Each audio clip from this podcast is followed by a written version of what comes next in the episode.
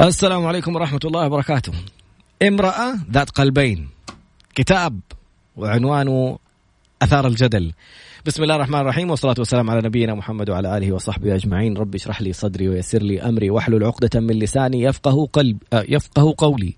اللهم اجعلنا من الذين هدوا إلى الطيب من القول وهدوا إلى صراط الحميد. اللهم علمنا ما ينفعنا وانفعنا بما علمتنا وزدنا يا رب علما. عسى أن يهديني ربي لأقرب من هذا رشدا. على الله توكلنا. ربنا آتنا الحكمة وفصل الخطاب. ربنا آتنا رحمة من عندك وعلمنا من لدنك علما. إنا إن شاء الله لمهتدون. أول ما سمعت عنوان الكتاب وجاتني دعوة لتدشين الكتاب إن شاء الله الأسبوع القادم في فيرجن. فقلت امرأة ذات قلبين وشفت لقاء في التلفزيون ونفس التساؤل. يعني قصدك تحب اثنين؟ يعني قصدك مدري طبعا نقاشات وطلع مصدر الكتاب أو مصدر العنوان آية. إيش دخل هذه في هذه؟ كيف جات؟ وإيش محتوى الكتاب؟ الرسالة موجهة إلى مين؟ مفاجأة أخرى ثالثة. مع الكاتبة الأستاذة نوفا الغامدي. ارتحت. أهلا وسهلا. تفضلي بس على المايك الله يسعدك. تفضلي. أستاذة نوفا. هلا والله. يعني حابين لو تعرفينا عنك قبل ما نقول ليش الكتاب يعني ليش العنوان هذا وليش ليش اخترتيه؟ وما شاء الله طلع عندك أكثر من كتاب. كم كتاب ما شاء الله؟ آه كتابين الحمد لله ما شاء الله لا قوة إلا بالله. بعد إذنك أستاذة نوف على المايك. أيوه ممتاز. تعرفينا بنفسك أكثر. أهلين وسهلين. معكم نوفا الغامدي صاحبة كتاب رسالة إلى يتيم وامرأة ذات قلبين. جميل. ليش امرأة ذات قلبين؟ أول شيء كيف جبت العنوان هذا؟ بعدين لمن هذا الكتاب؟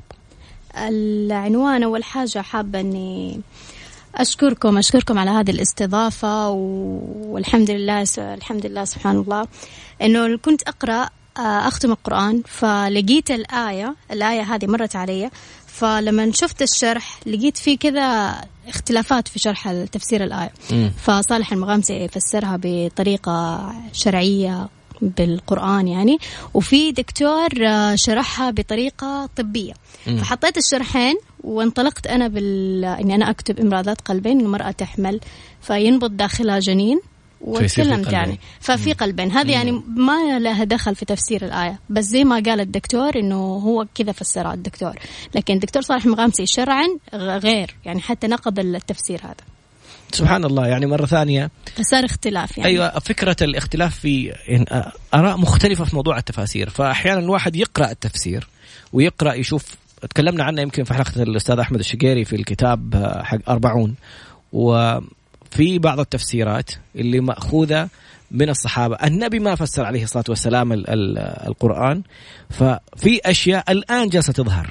بمعانيها وبتفاصيلها وتكلمنا عن الجواري الكنس اللي بعض الصحابة فسرها إنها البقر. لكن الترابط في الآية وتسلسل الآية كله يتكلم عن كواكب. إذا الشمس كورت وإذا النجوم انكدرت وتفصيلها إلين فلا أقسم بالخنس الجواري الكنس.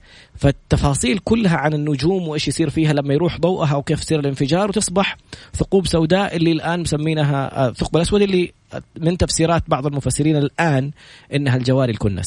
فمرة ثانية فكرة الاختلاف ما يعني إنه هذا لازم يكون صح وهذا لازم يكون غلط. ممكن يكون هذا التفسير يعني صحيح؟ وجهات نظر يعني كل وجهة نظره. جميل. ففعلا الرجل ما يكون في قلبين. الدكتور فكرته من من من تفسيره لهذه الآية من الناحية الطبية أن الرجل ما يحمل فما في قلبين في جوفه يكون في قلبين والامرأة حامل وفي طفل داخلها وممكن إيش كان تفسير الشيخ صالح المغامسي؟ آه صالح المغامسي فسرها بشوف الآية. في ما جعل الله لرجل من قلبين في جوفه.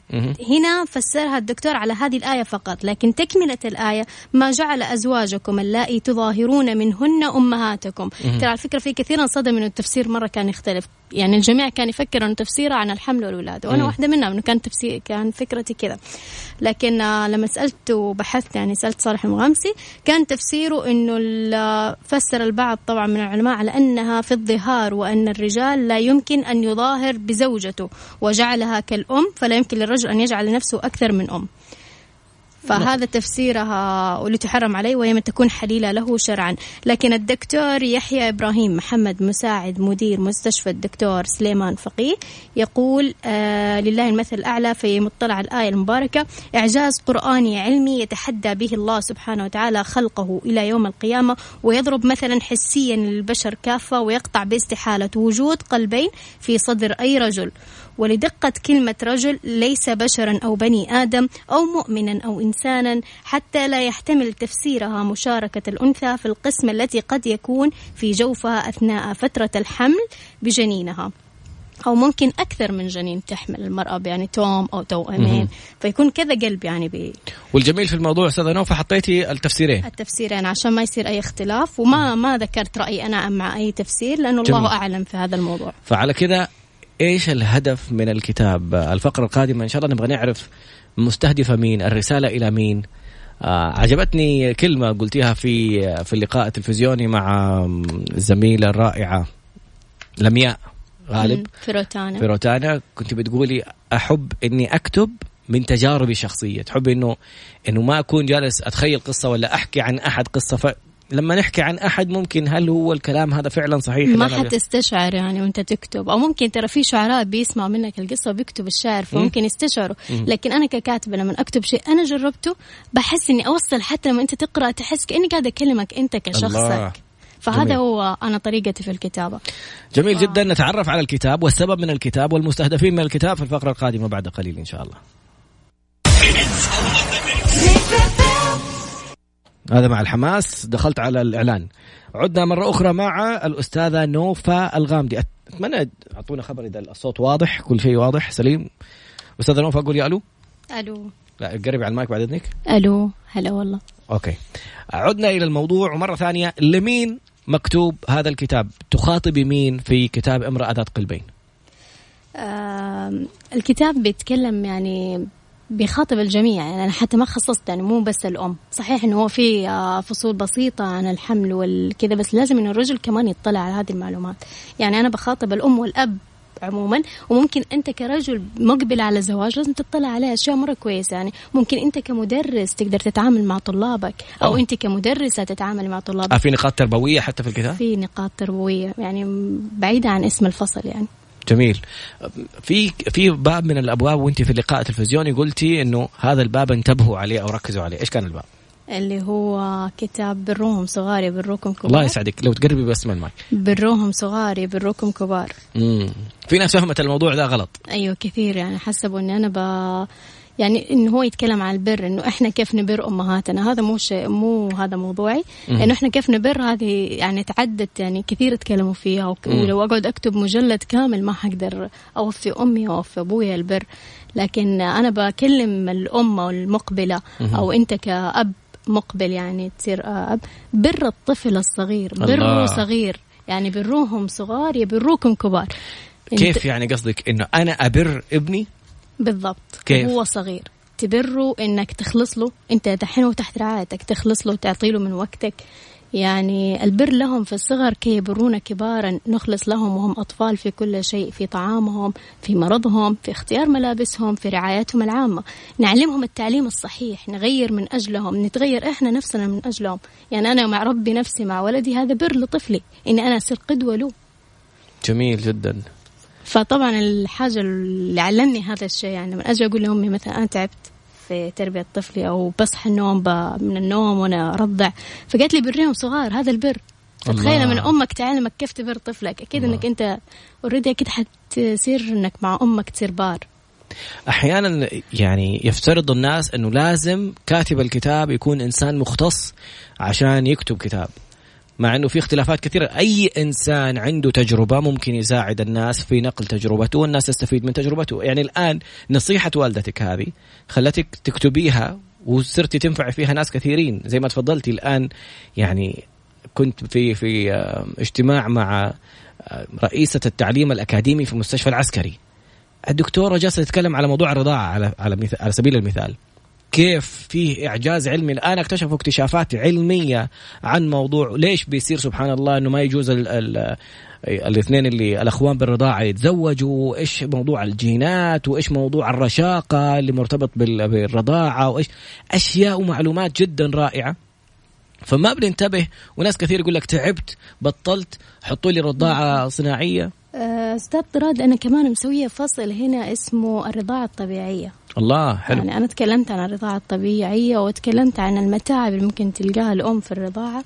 وكيف يعني إحساس العلاقة اللي حتكون بين الطفل و والأم أثناء الرضاعة. تحبي تتكلمي عن النقطة هذه لو تقرأي لنا من الكتاب؟ ممكن بس عارف في حاجة نفسي أقولها وأفهمها لك أنت كأم أو أنت كأب نتعلم وندرك أن الطفل ليس نتاجا للظروف بل هو قرار اتخذتوه عشان تنجبوا هذا الطفل هو هدية الله لنا.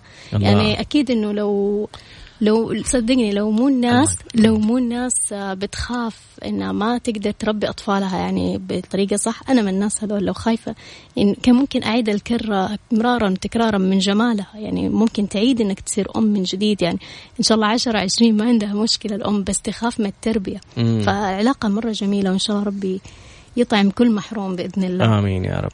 طيب فكرة موضوع الرضاعة الطبيعية. أنت أكيد أخذتيها من ناحية ما أعرف إذا كان أخذتيها من ناحية طبية ولا ناحية اجتماعية ولا تجربتك الشخصية. التجربة. جميل. يعني ممكن اللي يسمعني من الدكاترة حيزعلوا مني في حاجة إنه في موضوع إنه لما تحمل الأم وهي بترضع توقف رضاعة من طفلها الأول اوه فهذا موضوع كثير من الدكاترة يقولوا لي وقفي. بس أنا ما ما أقول لكم دحين اقتدوا فيني فكنت ماني قادرة إني أوقف رضاعة لطفلتي. يعني رضعتها وأنا كمان حامل. اللي جميل. ساعدني على ذي النقطة دكتورة قالت لي هي كانت بترضع فقالت لي ما عليك. توكل على الله واستخرت ومشيت في ذا الموضوع. أنا ما أقول لكم اقتدوا فيني هو قالها الله سبحانه وتعالى قال فطامها فطامهم في في عامين في عامين يعني خلاص بعد سنتين اعطي حقه بعد كذا إذا قدرتي ما شاء الله تبارك الله قدرتي تسيطر على الوضع وكان بها. إذا ما قدرتي زيي فكملي هي حتفطم نفسها بنفسها يعني حتكون مدركة وتقولي لا خلاص أنت كبرتي هي حتترك. يعني في الرضاعة حاجة مرة أنت في فترة السنتين اللي لسه ما انتهت السنتين كنت حامل فكنت بترضعي الطفل الأول, الأول. ولا وانت حامل. والدكاترة ليش بيقولوا لك وقفي؟ لأنه أساسا معروف حتى الأمهات وحتى جدتي تعبت. على فكرة الحين بتسمعني حتقول أوه تعبتني في ذا الموضوع. فكانت جدتي بتخاصمني هذا الموضوع. خلاص وقفي لأنه من مجهود من صحة الأم يعني. من والله. عظامها من يعني أوكي مرة تعب تعب تعب الأمهات تعبوا. سبحان الله. الحمد لله. يعني أيوة الحمد لله. يحفظ لنا كل أم إن شاء الله يا رب. ويجزاهم الجنة. والله. أمي متابعة دائما ما شاء الله البرنامج فتحياتي ما كنت أعرف والله أمي المعلومة دي. لا أنا بيني وبين أخوان الحمد لله أنا في النص جاي ثلاث سنين نوضة وثلاث سنين طارق قبلي وبعدي ففي مسافة. الوحيد اللي أخذت حليبي كله ما شاء الله عليه. لكن إيش إيش وجهة النظر العلمية في إنه إنه يمنعوك عن إنك ترضعي وإنت حامل؟ إنه الجنين يحتاج الطاقة هذه والله شوف أنا سألت أنا لأنه عشان قاعدة أخبص وقاعدة أسوي شيء من راسي كأم وقاعدة أرضع بنتي. فصرت أسأل كذا دكتور وكذا دكتورة. في منهم قال لي حتكون المسؤوليه عليك أنت حتتعبي أنت. إذا قدرتي تعوضي بالأكل فالأم دائما مضحية لما تعرف إنه التعب عليها هي تقول مو مشكلة أهم شيء ولدي. أو آه. أهم شيء بنتي. ففي دكتور ثاني قال لي حتتآذوا الثلاثة الجنين أوف. ولا أيوه. والطفل الداء اللي في داخلك وطفلك اللي بيرضع. ليه؟ فقلت له إني ما أقدر ووريته عجزي إني أنا أقدر أرفض بنتي عن الرضاعة وهي تبغاني في هذه اللحظة. فأعطاني فكرة إنه لو حسيت إنها هي ممكن يعني تغير لون البراز الله يكرمكم أو أي حاجة وقف الرضاعة. أو استفرغت أعرف إنه قاعدة تاثر عليها الحمد لله ما مرت بهذه المرحلة. فبنتي مستجيبة وتعلقت فيني أكثر. فتعرف أنت الطفل تعرف غيرة الطفل يشعر بإنه في في منافس يعني. مم. فهو أساسا رضاك عن ذاتك كأم أعطت وقتها لطفلها ما أجمل تلك العلاقة التي تربط الطفل بأمه للحظات علاقة جميلة من أصدق وأروع العلاقات. اللهم أعطي كل محروم تلك اللحظات التي لا تقدر بثمن. سيدتي الجميلة أنت نعم أيتها الأم. عندما تعطين طفلك وقت وهو يشعر بالأمان ويتأمل تفاصيل وجهك وكأنه يهمس لك. شكرا يا كل عالمي. استلذي وقتها بذكرى المعطي الحنان الذي أعطاك هذه النعمة وأعطاك القدرة والصحة على تحمل هذه المسؤولية. ابتسمي واذكر الله الذي هو أرحم بك وبطفلك من رحمة الأم بطفلها. استشعري واستلذي بهذا الشعور الأنيق. كوني بارة بطفلك في صغره كي يبرك في كبره واستلذي بهذا الشعور الأنيق. الله ما شاء الله لا قوة إلا بالله. أستاذة نوفا الوصف حق التفاصيل اللي اللي الطفل كيف بيطالع ويتأمل في أمه وهو يرضع يعني يعني ما أعرف شعور جميل. الفقرة القادمة إيش حتقولي لنا؟ أه حتكلم في الإضاءات الموجودة. طبعا هو في برنامج مهم إني أتكلم فيه اللي هو أنت والحمل. هذه حلو إنه حتى الرجل إذا فكر إنه زوجته تحمل ينزل البرنامج هذا لأنه برنامج؟ كثير أي برنامج على الجوال. كثير بعرفهم من حتى اللي يبغاها تحمل. في برنامج أنت تنزله تعرف متى الدورة بتاعها بتعرف متى كي... متى التخصيب ومتى كيف برنامج أنت والحمل يجهز لك متى موعد الولادة متى لو حطت التاريخ صح أوه. لآخر دورة لما تروح لأي دكتور أو في معلومة مهمة. لأنه أقابل ناس في المستشفى أو في المول لما بقول أنزل برنامج بتستغرب. ولما أروح للدكتورة بعطيها أنا المعلومات كمان بتستغرب إنه ما شاء الله يعني انت عارفة أكثر مني. فالمفروض انت كأم تكوني عارفة انت بنفسك انت حامل متى حامل. فركزوا لي في إنك تكتبي آخر دورة متى وتحطيها في البرنامج. في معلومة مهمة مهمة مهمة عن التجربة. طبعا أنا جربت التجربة هذه ثلاثة مرات. آه، المرة الثالثة كان تسقيط ومرتين مع أطفالي. المهم المهمة هذه حنعرفها في الفقرة القادمة بعد قليل إن شاء الله. أنا تحمست والله الموضوع تكنولوجيا. حتى الآن في حساب الحمل وأسابيع الحمل ومدة الحمل والدورة الشهرية و... كيف ممكن تكون؟ على فكرة آه، أعرف آه، أحد الأصدقاء تزوج فبحسبة بسيطة. والله يعني معلومة للمقبلين على الزواج. يعني يقول لي لقيت زوجتي هو إنسان مجنون أرقام يحب الأرقام. يقول لي صرت أعمل حركة أعرف إنه الدورة تيجي كل تقريبا 26 يوم فأعرف إنه زوجتي دورتها منتظمة بتجيها خلال 26 يوم يعني كل ما جاها في تاريخ أنقص منه أربعة أيام حيكون الشهر اللي بعده. مثلا آه، جاتها الدورة في تاريخ 10 10 حيجيها الدورة في في شهر 11 في تاريخ 6 11 فيجي قبل الدورة كذا يقول لها يلا حبيبي ترى يعني إن شاء الله بكرة يمكن تجي الدورة. فيجيب لها الأشياء اللي تحبها ولا يجيب لها آيس كريم ولا بس فكرة معلومة إنه هو حاسب الوقت وبيقول لها إيش صاير وفاهم. شعور جميل على الزوجة نفسها حتحس بإنه هو مشاركها. مه... يعني إيه بالضبط ومهتم يعني بصراحة أغنيه ما هو جلس يستمتع شخصيا بالحسابات اللي هو هو مجنون ارقام فكيف أثرها على زوجته وكيف حستها إنه قمة الاهتمام والاحترام. يعني نتعلم. لسه إحنا مقبلين على الزواج إن شاء الله. بعد قليل إن شاء الله نتابع. عدنا مرة أخرى مع الكاتبة نوفا الغامدي وكتاب امرأة ذات قلبين. حبيت التجارب. الله يحفظ لك يا رب. صورة بنتك في, في الكتاب. الله يحفظ لكم ويبارك لكم فيها إن شاء الله ويرزقكم برها ويرزقها رضاكم. يا رب أستاذة نوفا قلتي في تجربة فيها ثلاثة نقاط. آه لا عفوا مو ثلاثة نقاط. قلت هو عن تجربة ثلاثة مرات. يعني آه أنا أوكي. جربت هذا الشيء ثلاث مرات. المرة الأولى مع بنتي عشق الله يحميها والولد محمد والثالثة كان تسقيط فكنت أنزل البرنامج هذا لما أروح للدكتور عشان لا تخبصوا الموضوع هذا. كذا دكتور دخلت عليه قال لي البرنامج تنزليه على سبيل المثال أنت كنتي في الأسبوع العشرين مثلا. م. فأنت نقص اثنين. ما تحطي إنه أنت نقص أسبوعين ما حتكوني في هذا الأسبوع اقري على الأسبوع. آه. فهمت علي؟ يعني حمل تطبيق البرنامج أنت والحمل اسم البرنامج أنت والحمل. استمتعي مع هذا التطبيق الفريد من نوعه في العالم العربي حول مراحل الحمل بكل تفاصيله فبمراحله الثلاثة بكافة التطورات اليومية الأسبوعية لرعاية الأم والجنين يوضح مراحل الحمل. يعني حتى اليوم إيش اليوم؟ إيش التغيرات اللي حصلت لك اليوم؟ كاتبها البرنامج. نصيحة من تجربة عندما تضعين تاريخ آخر دورة سيحسب البرنامج بدقة وليس بموعد التخصيب. إذا لا تعتمدي على الرقم الأسبوعي الذي يضعه البرنامج. على سبيل المثال يخبرك البرنامج بأنك في الأسبوع السادس تجاهلي أسبوعين وتابعي من الأسبوع الرابع. وضحت؟ يعني يعني الآن خلينا نقول مثلا أنه آخر دورة كانت في شهر؟ لا هي فتحت البرنامج. أوكي. يعني خلاص الموضوع انتهى. هو حسب م. البرنامج حسب لها إنه هي الآن في الأسبوع قال لها انت في الأسبوع الرابع. أوكي. ودائما إحنا نكتشف الحمل حتكوني في الأسبوع الرابع مثلا. أوكي. فلما يقول لك الأسبوع الرابع فأنت نقص أسبوعين. ليش؟ تكوني حامل في نهاية الشهر الأول. أتمنى أن تكون سطوري واضحة يعني. ليش؟ أنا أقول لك لأنه البرنامج في شيء اسمه آه موعد التخصيب هذا يأخذ آه وقت أوكي. فما ينحسب. أنا هذه الدكتورة علمتني إنك تشيل أسبوعين. كمان سألت دكتور ثاني قال لي بالضبط البرنامج مهما كانت دقته وقال لك أنت في الأسبوع 27 نقص أسبوعين. فحتى لما جربتها قلت لا أنا بمشي على نفس البرنامج وبقرأ على الاثنين بقرأ اليوم أنا إيش وبقرأ قبل أسبوعين أنا إيش. لقيت فعلا الولادة مو أحيانا يقول لك دخلت الأسبوع ال40 وكنت إيه. خطأ. لا أنت مزود أسبوعين. أوكي أنا خلينا عشان التخصص البكالوريوس كان تقنية طبية فأجيبها من ناحية آه، علمية ثانية. إذا جات الدوره الشهريه يعني يقول خلينا ناخذ إنها تاخذ من خمسة أيام إلى أسبوع. تمام. وبعدين بعدها تقريبا خمسة أيام لسه تتكون البويضات الجديدة فتصير فترة آه، تلقيح. فاللي بيحصل إنه هذا الأسبوع الثاني.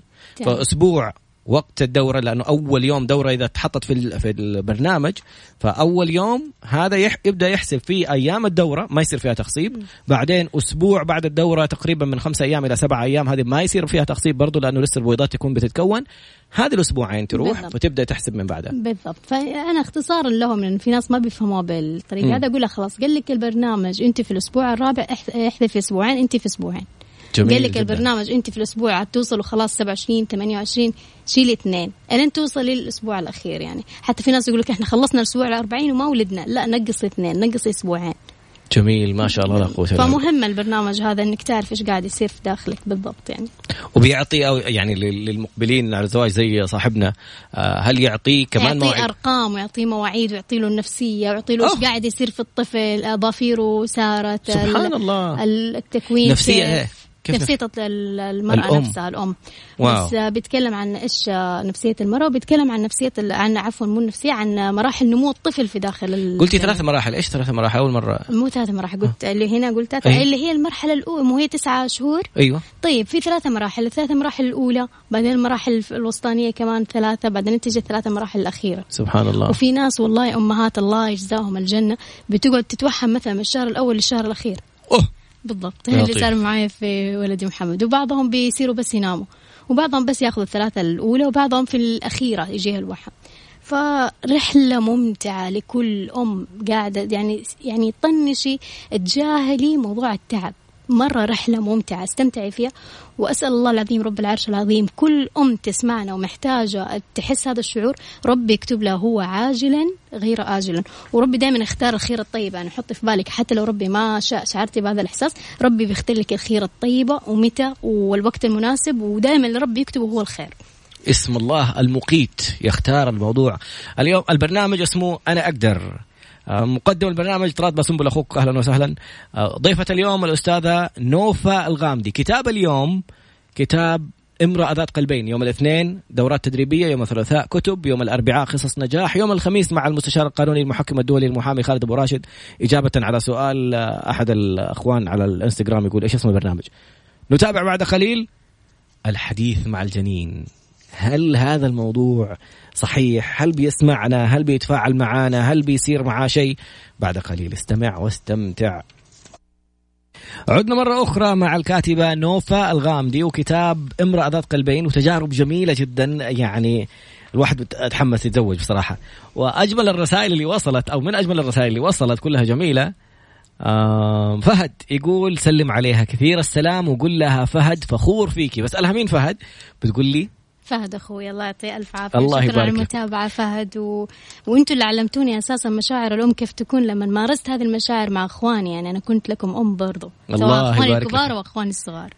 يعني فهد قالت حاجة ترى تحت الهواء تقول قشعر جسمي من من فرحتها برسالتك. فأنا أستغل الموضوع اليوم وأقول تحياتي لنوضة. إن شاء الله كذا جالس أسوي معاها مشروع خاص. استني نوضة أختي. واختي بالرضاع آه، سارة الله يقومها بالسلامة إن شاء الله يا رب يطمنا عليها. مين ثاني؟ جاكي سؤال. وأول شيء آه، ليلى أو لوليتا بتقول الحلقة مرة جميلة وبعدين أسئلة وما شاء الله صاروا يردوا على بعض. في ناس تسأل وناس يجاوبوا بعض. ممتاز. حلو التفاعل هذا يعطيكم العافية. محمد بيقول هل يشعر الجنين بما يحصل خارج يعني البطن يعني في في العائلة في لأمه والأشياء التفاصيل الأخرى. كنا نتكلم عن فصل تحدث مع الجنين. إذا إحنا نبغى نتحدث مع الجنين فإذا هو بيسمع السمع. السمع أول حاجة بتتكون. سبحان الله فأنا طبعا ما أتكلم من ناحية إن أنا دارسة طبيا أو لا أنا قارئة والبرنامج علمني. البرنامج اللي قلت لكم نزلوه علمني إنه السمع أول حاجة بتتكون في الجنين. فطبعا بحس بمشاعر الأم المتخبطة. يعني لو كانت مشاعرها متخبطة ال- من بسبب الهرمونات الحمل تقدر تقدر تتدارك هذا الموضوع. مم. هو ما بيحس بذا الشيء بس بيحس بانزعاجه. عشان كذا حاولي إنك تسترخي. الله. حاولي إنك تحبي هذه اللحظة وتتوقعي. يعني دائما قولي خلاص هي مرحلة وبتعدي هي حاجة عابرة. فأكيد تحدثي مع الطفل لأنه من فين جاني طبعا هذا الموضوع طراد إن أنا أتكلم مع أستاذ طراد إن أتكلم تحدثي مع الجنين. إنه قرأت برودكاست يقول سمعوا أطفالكم آية قرآنية. فلما نشرتها بين الناس جوني أمهات يقولوا متأكدة يعني أنا آه كمان في كأخصائية اجتماعية فبتجيني حالات بتقول لي مثلا ضربني وأبكي قلت لها لا حاولي حتى لو انضربتي آه مثلا زوجها أو مشاكل أوه. حصلت لها. فقلت لها قالت أنا خايفة على جنيني. وهي حامل يضربها زوج؟ إيش هذا؟ آه فهو هي حالة مرت عليها. فقلت لها حتى وين لازم إنك تفصلي عالمك كله لأنه الطفل بيحس بمشاعرك هذه. فهي اللي عجبني كانت قوية. يعني تقولي لا أنا أهم شيء إني أكون طفل يكون سليم وأهم شيء الطفل يكون معافى. فبيحس الطفل بمشاكل. هي تسعة شهور وأكيد إن الواحد يمر بتغيرات بتصير مشاكل. ما نعرف إيش ظروف الرجل في ذيك اللحظة. يعني أنا ما بلوم ولا بنتقد يعني بس أنا أتكلم. مع احترام أنا ما أحب أقاطع الضيف لما يتكلم. بس هذه النقطة أنا اسمحي لي ما في حاجة اسمها ظروف. تمد يدك على زوجتك حابب أقول لأي إنسانة زوجها أبوها أخوها يمد يده عليها إذا صار في ضرب وفي علامات رجاء توجهي على الشرطة. صح. خذي خطاب التحويل. اسمعيني خليني أكمل بس المعلومة هذه لو تسمحي لي. أنا أنا آسف إني قاطعت بس الموضوع ده يستفزني لأنه في ناس واصلين إلى تشوهات وممكن بعد كذا يصير لهم عاهات دائمة ويجلس يقولوا والله أحب ما أدري إيش. روحي خذي التقرير. على الأقل التقرير. هي لو راحت الشرطة حيدوها تحويل للمستشفى تروح المستشفى تعمل تقرير طبي. خلي التقرير معاكي حتى لو ما تبي تاخذي قرارك الآن إنك تقاضيه ولا تسوي شيء مستقبلا لو أتكرر الموضوع ده وأنا من من النقطة الأولى من رقم واحد من يوم واحد مد يده يفهم إنه ممكن أنت عارفة لو أخذت التقرير الطبي ده ورحت فيه على الشرطة؟ الشرطة حتيجي معاكي تقبض عليه. يتحط في التوقيف ويتحول على النيابة العامة ويصير فيها تحقيق وفيها فيها يعني فيها سجن فيها جلد هذا اعتداء على النفس سواء زوجتك ولا ما هي زوجتك. صحيح. فما قدرتي تروحي اتصلي على الشرطة. مانعينك بلغي أحد. يوصل الموضوع لهيئة للجنة حماية الأسرة. لجنة حماية الأسرة يوصل فيهم عندهم الصلاحية لاقتحام المنزل بالشرطة. وياخذوا ال ال ال الإنسان المعنفه لأنه في حالات كثير إن شاء الله حنجيب قصة نجاح إذا ما كان الأربعاء هذا بكرة حيكون الأربعاء القادم. انصافا للحق يعني. أنا أنا كلامك هذا سليم لا تزعل وهذا الموضوع صاير لأي مرأة تنضرب لازم تتجه للكلام اللي قاله أستاذ أنا أتكلم عن الحاله اللي هي جاتني انصافا للحق. ترى هو ما ضربها يعني ضرب مبرح والسبب اللي خلاه يعني يرمي عليها الشيء اللي رماه هي لما جت تشتكيني إن هي تأخرت في إنها تروح أساسا للعيادات لأنه كان خايف عليها وعلى ولدها. يعني موضوع ثاني يعني أنا انصافا للحق. فعشان كذا قلت لك أنا بعيدا عن هذا الموضوع. أنا ما أبغى أدخل اعلق أيوه. الموضوع ده. فخلينا أقول لك إنه عجبتني إن هي كانت من طبعا ما تنلام ترى إنها أخرت هذا. أنا ما لومها لأنها كانت تنام وتعبانة كان حملها مرة صعب. فعجبتني قوة هذه الإنسانة. عجبتني انها هي ما تبغى الجنين يحس بهذه المشاكل. مم. هي جايتنا عشان ذا الموضوع. تقول الجنين يسمع قلت لها هو حيفهم حيحس قالت لي حيحس إنه أنت تعبانة نفسيا. فلا تتعبي نفسيا. حاولي إنك تمتع نفسك في هذه المرحلة. والطفل يسمع لازم تتكلمي مع طفلك وكانه كأنه قدامك. يعني تتكلم معاه في خلوتك تحدثي معاه أصلا هي حيهدي منك. أنت كإنسان مكتئب أو حاسس إنك تعبان تحب إنك تفضفض صح ولا بتتكلم مع شخص تحبه طفلك معك وفي خلوتك تكلمي معه. بعدين في حاجة أحب إني أقولها شكر وامتنان للمشرف التربوي والأخصائي النفسي المهتم بالشأن الأسري أستاذ عبد الله الصبياني. آه، طبعا خلت له في إضافات في كل موضوع لأنه مختص. فأضاف في موضوع تحدثي مع مع الجنين. من المعلوم أن التواصل بين الأم والجنين داخل الرحم أثناء فترة الحمل لا يتوقف على الطعام فقط. فقد ثبت علميا أن التواصل اللفظي والذي تقوم به البعض من الأمهات له تأثير كبير في التفاعل من قبل الجنين وفي مستوى حركته داخل الرحم. وقد أكد الكثير من العلماء النفسيين والأطباء كذلك على أن الجنين في الرحم يتأثر بحالة نفسية للأم وذلك بالتواصل عن طريق المشيمة.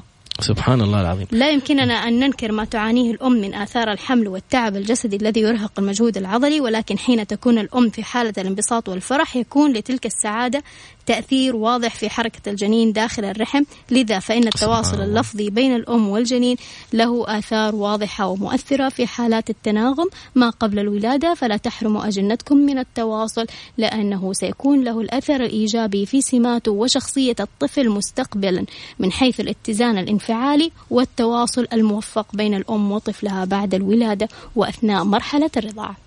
ما شاء الله لا قوة إلا بالله. موضوعين أو تعليقين على هذه النقطة بالذات. في الجزائر في طفل يعني يمكن عمره سنة ونص ولا سنتين ما أعرف تسمعيه يرتل قران كأنه قارئ. فكانوا بيسألوا الأم والأب إنه كيف إيش إيش المعجزة دي؟ قال كنا طول الوقت وهي حامل تسمع. نحط قرآن. ما شاء الله. فالصوت واصل الظاهر ما اعرف كان كانوا يحطوا على زي الهيدفون هذه الكبيرة ويحطوها على البطن ولا كانوا بيسمعوا بس وهو سامع سبحان الله. طيب أنا أقول لك عن تجربة. صار يقرأ بنفس القراءة بنفس الآلية سبحان, سبحان الله ويجيبوا وجابوه قدام الرئيس هذه واحد. النقطة الثانية نبضات قلبك وهرموناتك بتعبر. بالدم للمشيمة. فلما تتوتري الكورتيزون يرتفع حيوصل الكورتيزون. بالضبط. لما تفرحي اندورفينز وهرمونات السعادة بتوصل. يعني كل شيء مرتبط فيه. نبضات قلبك الزايدة بتوصل عبر المشيمة. نبضات قلب حتأثر على الطفل.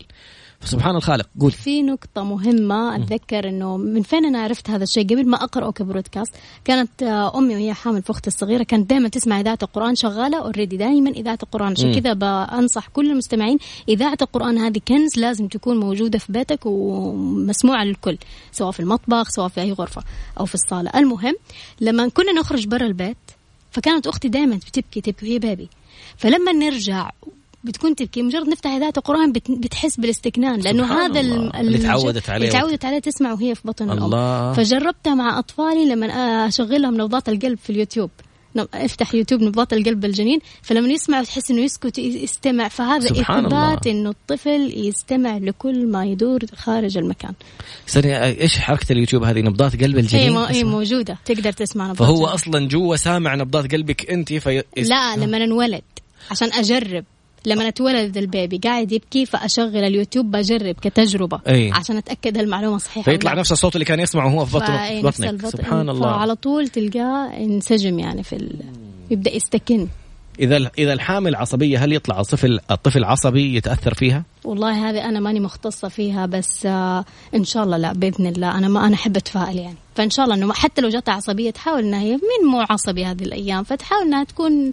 إنها تاخذ الأمور ببساطة تهون الأمور وتاخذها بحب يعني. أحد التعليقات يقول صحيح المعلومة حتى القراءة وقت الحمل تأثر على الجنين إذا أنت بتقرأي بنفسك سبحان الله. صح. طب في حاجة كمان حابة أقول لك عليها إنه معلومة أنا عرفتها عن اللغة إذا كان هذا قارئ اللي تقول لي عليه اللي يقرأ القرآن م. بصوت جميل لأنه كانوا اهالي يسمعوه.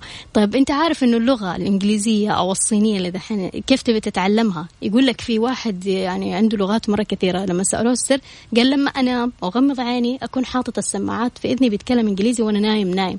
فالعقل العقل في اللاوعي. في اللاوعي يجمع فلما أنت تسمع تقول مرر علي مرر علي هذه الكلمة مر فيسهل عليك الحفظ. فما بالك بطفل قاعد يسمع القرآن طول الوقت يعني. واو. أم رسالة ثانية. طيب لو الجنين يسمع هو في الرحم كل شيء هل هذا يؤثر عليه في المستقبل لو عاش جو مشحون؟ امم سؤال.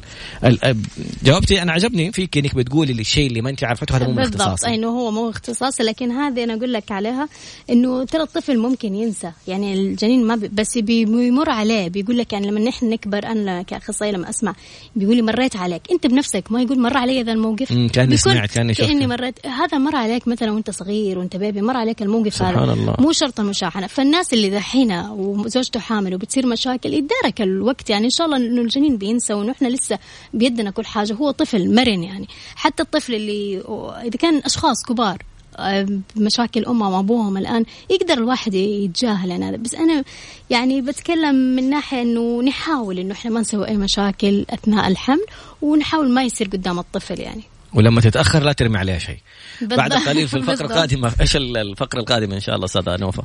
آه نتكلم عن عمر السنة ونص صاحب كلمة لا اللي قلتها في, في التي في لما عجبتك يعني. آه جميل. أيوه. بعد قليل بإذن الله. صفحة كم هذه عشان أتبع معك؟ آه 29 أوكي. الناس انتبهوا لي تحت الهواء وسامعين في في انستغرام وفي تويتر وأنا يعني احتديت شوية على موضوع الضرب. أنا عندي الموضوع هذا يعني ما أعرف. خطأ. حتى في في فكرة أنا مع التفسير اللي يقول إنه واضربوهن ما هو التفسير بالضرب. صح. لو كان هذا الموضوع يعني النبي عمره ما مد يده على امرأة عمره ما مد ما ضرب أحد يعني كضرب. في تفسيرات آه، وآخرون يضربون في الأرض. يضربون في الأرض يسافر يروح من مكان لمكان عشان يسترزق. فيضرب فأضربوهن. أنا أشوف مع أنا مع التفسير اللي يقول أضربوهن يعني أبعد عنها. أنت هجرتها في المضجع يعني أنت معاها في البيت بس هجرتها في المضجع. بالضبط. هجروهن في المضاجع؟ واضربوهن يعني أضرب عنها أبعد عنها. ما تمد يدك على امرأة. شكرا. أنا ما أبغى نبره صوتي تزيد كذا الموضوع مستفزني معليش. قلبنا البرنامج تفسير آيات. لا يعني لا لا بغض النظر. أنا في فكرة موضوع الضرب هذه للمرأة ما يعني مع كل الاحترام والتقدير ما أشوفه رجل. والله الله يعطيك العافية ويكثر من أمثالك وفعلا. بس تصدق الجيل اللي صاعد جيل أخواني مثلا فأحس إنه عندهم هذه ال- النظرية. فأحس؟ الجيل اللي إنه ما يضرب. الحمد لله. الجيل هذا اللي طالع ترى حيريح قلبك إنه ما ما حيكون في ضرب أصلا آيات ثانية عشان نستدل بالموضوع. آيات ثانية تتكلم على نفس الفكرة. امساككم بمعروف أو تسريح بإحسان. ما تبغى أمشي طلق افترقوا. ما يوصل الموضوع لضرب. عندك أستفزتك بكلام رد بكلام. يعني لا تجلس. أو أفضل يعني النبي بيوعدك ببيت في الجنة أنا زعيم ببيت في ربض الجنة لمن ترك المراء ولو كان محقا. الجدال المراء شدة الجدال لما يحتد الصوت لأنك حتى لو أنت غلطان وعارف أنك غلطان وحاجتك ما حتعترف. ولو هي غلطانة وعارفة أنها غلطانة وأنت جبت الحجة عليها ما حتعترف. لأنه خلاص وصلنا لمرحلة أن كل واحد جالس يرفع صوته. فما حد حيقول فجأة في نص الزعاق إي والله أنا اسف أنا طلعت غلطان. مستحيل. صح. ف في يعني ردود على هذا الموضوع؟ وما جالسين يضحكوا علي. آه لا لا مع حق لا حق. لا بس كثير الحمد لله بيقولوا معاك معاك في موضوع الضرب لأنه شوف مرة ثانية تخيل تخيل أمك وتخيل أختك. بالضبط. اللي حيرضى يقول إنه لا مع الضرب هيخلي أختك تجيك مضروبة على البيت وشوف إيش حيصير فيك. تخيل أمك تجيك مضروبة وتقول لك والله أبوك ضربني إيش إيش شعورك؟ ف قول قول الحقيقة ترضى ولا ما ترضى؟ نرجع خلينا في الكتاب. مع الأستاذة نوفا الغامدي امرأة ذات قلبين كتاب جميل. ونقاش عليه تفاعل عجيب ما شاء الله. يعني زي حلقات خالد أبو راشد هنا ما شاء الله صارت ال- التفاعل والمشاهدات. إن شاء الله ربي ينفع بنا أمة محمد يا رب. آمين يا رب. سابعا في الكتاب عمر السنة والنصف. صاحب كلمة لا أنا بتخيل صوت الطفل وهو يقول لا. دائما ولا براسه. لا لا لا مم. لا كل شيء. فإذا من الطبيعي إنه يعبر الطفل عن الانزعاج بصوت عالي أو صراخ أو ممكن كل شيء لا لا لا في هذه المرحلة. تمام؟ لما هو يقول لك لا راجع نفسك كأب أو كأم. أكيد إنه أنت كل شيء لا. لما يجي يمسك حاجة لا. آه لازم عارفة. تكوني حتى كمان الطفل تكوني معاه. يعني حتى لا تتوقع إنه الحلاوة أو اللعبة بتلهي عنك. لما يكون تكوني الله. معاه حتزيد سعادته وجودك بمعنى مبسط كن مع طفلك طفلا. في الله. هذه الحالة أنت حتفهم. ولا تتوقع أنه لا أربيه أول حاجة يسمع كلامي ترى هو طفل. وكلمته ما تمشي على كلمتي ترى هو طفل. يعني يكون أسلوب التخيير. يعني أنا بجيب اللبس هذا بلبسه بنتي يعني إلا تبغى اللبس الثاني اللي مو تمام. طيب أنا أرجع أختار لها اللبسين اللي تمام. وأخيرها تبي هذا ولا هذا؟ الأحمر الله. أو الوردي. فهي خلاص كذا ما حتقول لك لا حتختار الشيء من منه كويس ومنه أنت تنمي شخصيتها في إنها هي اللي تقرر. الله وهي الله. اللي تختار. ما اللي. بتقوليه هذا ترى علميا اسمها لغة ميلتون أو اللغة لغة الإيحاء. لغة الإيحاء في تسعة خطوات وأخذناها في حلقة من الحلقات إن شاء الله بشرى تنزلها على تويتر نعملها ريتويت. واحدة من الخطوات يسموها التخيير وليس الفرض. حتى مع الكبار. وطلع الموضوع مع مع البشر عموما. حتى الطفل لا تجبره خيره يعني بالضبط أسلوب التخيير مرة جميل. كويس مع الأطفال. وهنا في حاجة ممكن أقرأها. ستروضين نفسك أنك ستواجهين طفلا يرفض الأوامر دائما. تجنبي أسلوب الفرض. حققي كل أوامرك بأسلوب دون أن يشعر أنه مجبر. سيعتاد على كل شيء. لا يوجد داعي من فرض السيطرة. كل شيء سيتعلمه بحب واحتواء. المهم أن تغرسي الأسس دون أمر أو صراخ أو تحدي حتى لا يكره التنفيذ ويرفض النظام أو الأسس التي أن يتعلمها. لا تتجاهل النظرة لعينه. عندما تتحدثي أن الأمر مهم لابد أن لابد الآن من تنفيذه. وإن أصابك في يوم التوتر بلا شعور رفعتي صوتك وتضجرتي اعتذري فورا. تمام؟ أكمل. تعتذر لطفلها على طول. على طول. يعني أنا في ناس لا ترى قالوا لي غلط. أنت بتخاصمين في نفس الوقت تعتذري لها. لازم أعتذر لها أعرف عشان تعرف ان أنا وصلت مرحلة خلاص حتى هي أصلا تضمني على طول يا. فبتحس إنه أنا خلاص عصبت يا ماما على طول تتكلم معايا تفهم إنه سبحان الله عصبت دحين ووقت خلاص مو وقت إنك يعني لأنه إحنا مشغولين ترى بأمور كثير بس إحنا كل عالم هذا الطفل طبعا هذا أخوي الكبير دائما بيقول الكلمة دي إنتوا عالمهم انت الله. عالم هذا الطفل يعني الطفل ما له عالم إحنا عندنا واتساب وعندنا عالم وعندنا برنامج وأصدقاء. وعائله. أيوه فالوقت الطفل مرة قليل فالأفضل إنك أنت تس- تستوعب إنه أنت كل عالم أصلا الطفل كيف يتاملك يتأمل تفاصيلك سبحان, سبحان الله. ويعمل زيك يسوي نفس حركاتك. بالضبط وصلاة وكذا. في حاجة كمان حلوة طبعا الأستاذ عبد الله الصبياني تحدث كمان عن الطفل في هذا السنة. في حاجة مرة مهمة دحين أتبعتها مع أولادي لأنه بدأوا يدركوا شوي إنه لما يجوا يطلبوا حاجة أقول لها أطلبيها من الله. الحين انت ارفع يدك قولي يا رب جيب لي غرفة النوم مثلا. فتقعد تطلب تطلب تقول لي طب أنا طلبت الحين لسه قلت لها حتيجي في الوقت المناسب. طب أدعي يا رب ادينا فلوس عشان نجيب لك عشان تفهم إنه مو مو الأب أو الأم تفهم إنه هذا مع مع ربنا. ربي اللي حيجيب لك كل حاجة. ف... طب لو طلبت حاجة أكبر يعني معلش على السؤال الفضولي. يعني لو طلبت حاجة في غير استطاعتكم برضو تخليها وتقول لها أقول لها حتجيكي في الوقت المناسب. الله عشان تفهم تكون ترى أنا أحب أتكلم مع بنتي على انها كبيرة. حتى أوقات أحطها واحط لها كاسة العصير وأنا وهي يعني إننا ضيوف ونتكلم. فأقعد أكلمها عن الاشياء اللي ما أحبها موجودة فيها. طبعا هذه سيناريو أهلي يعني. ماما هذا أسلوبها معانا بتحطنا تمثيلية يعني. فتقعد تدربنا بهذه الطريقة. يعني الله. هذا هو الأسلوب. في معلومة ترى كان في إحدى الحالات أنا كأخصائية جت تقول لي إنه أنا بيئتي ما كانت كذا. طب ليش أنا أوفر هذه البيئة للعيال؟ أنا ماني قادرة لأنه فاقد الشيء لا يعطي. هذا غلط. انت خرجتي من بيئة مثلا مشوشرة. مضجرة بيئة ما كانت سوية. طب أنت لا تعيدي نفس الغلط وفي نفس الوقت افصلي. أنت أم دحين ربي نفسك من جديد مع طفلك. ربي نفسك من جديد مع طفلتك. انسي الماضي حق أهلك كله وابدأي من جديد صفحة جديدة. آه سوي لك أجواء جديدة. أنت بتسمعي بتقرأي خلاص. يعني سمعتي برنامج سمعتي نوف الغامدي الآن خلاص مالك حجة. يعني ابدأي صفحة جديدة مع حياتك مع أطفالك شيء جديد. وما شاء الله نوفا يعني أنت بتاخذي الموضوع ما هو كان تخصص بس ما شاء الله جالسة تقراي وتعلمي نفسك وتطوري نفسك. وهذه نقطة جدا هامة. يعني في ناس يتحججوا إنه والله طالما أنا ما نشأت البيئة هذه فما عندي إمكانيات. لا ما ما هي حجة. فقرتنا القادمة قلتي في إضاءات.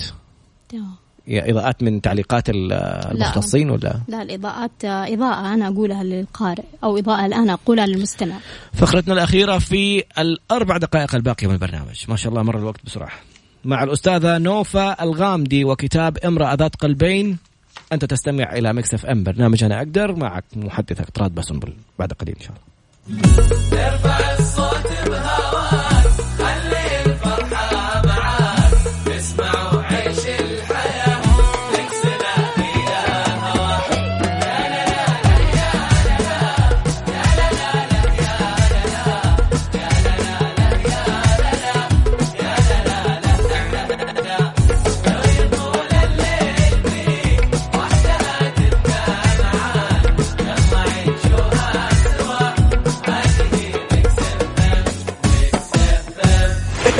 اسمع ميكس اف ام من مدينة الرياض على تردد 98 تفاعل جميل. يعني خلينا نرجع نشوف حاضر. روزا بتقول احفظ البث. وفي تساؤلات ما شاء الله حتى طبيا بدأوا الناس يسألوا يعني أسئلة متنوعة. أولا أستاذ نوف أنت نوفا إيش اختصاصك؟ أخصائية اجتماعية. على المايك الله يسعدك. على المايك. أخصائية اجتماعية وعلم اجتماع. جميل. آه يعني دارسة علم اجتماع وبتمارسي أخصائية اجتماعية. أخصائية اجتماعية. جات أسئلة قلتي أنت في في الحلقة في الفقرات الماضية أنك تعرضتي للإجهاض أكثر من مرة؟ لا مرة واحدة. مرة واحدة. طيب قبل شهر ونص على فكرة. إيش اعراض إيش أعراض الإجهاض؟ تقول أنا رجلي منتفخة ويدي صار عليها سواد مو طبيعي. كم في كم حامل؟ وألقى صعوبة في التنفس لصعود الدرج. في كم في كم شهر ما هو مكتوب. آه. وتجيني آلام بالحوض والمثانة والظهر لما أنام بالليل إيش يعني؟ تسمم حمل؟ على طول ما شاء مرة الله. مرة أعطت ال سألت تجاوب. والله أنا مو دكتورة لل... ماني دكتورة ماني مختصة بس أنا حقول لك عن تجربة برضه في برنامج بيقول لك إنه هذه الأعراض حتجيكي في شهر كذا أو في يوم كذا. حملي البرنامج ويا ريت تروحي للطبيب اليوم. بس أعراض الإجهاض اللي صارت معايا إنه بدون ما أحس ولا أي حاجة برحمة ربي نزل الجنين كذا يعني. جميل. قلتي في إضاءات. أمامنا دقيقتين بالضبط على نهاية البرنامج. الله طيب الإضاءات طبعا أنا حقرأها كذا بس إضاءة لا توعد وانه تعودوا أنكم ما توعدوا أطفالكم. والإضاءة الثانية أنت قدوة والإضاءة الثالثة لا تكن راعيا فقط. إنه الإنسان الرعاية ممكن نسلمها لأي شخص مو شرط إنك تكوني أنت كأم رعاية. ترى كل شخص يقدر يرعى. أنت دورك مربية. تربي تأسسي تحطي يعني الأسس لأطفالك.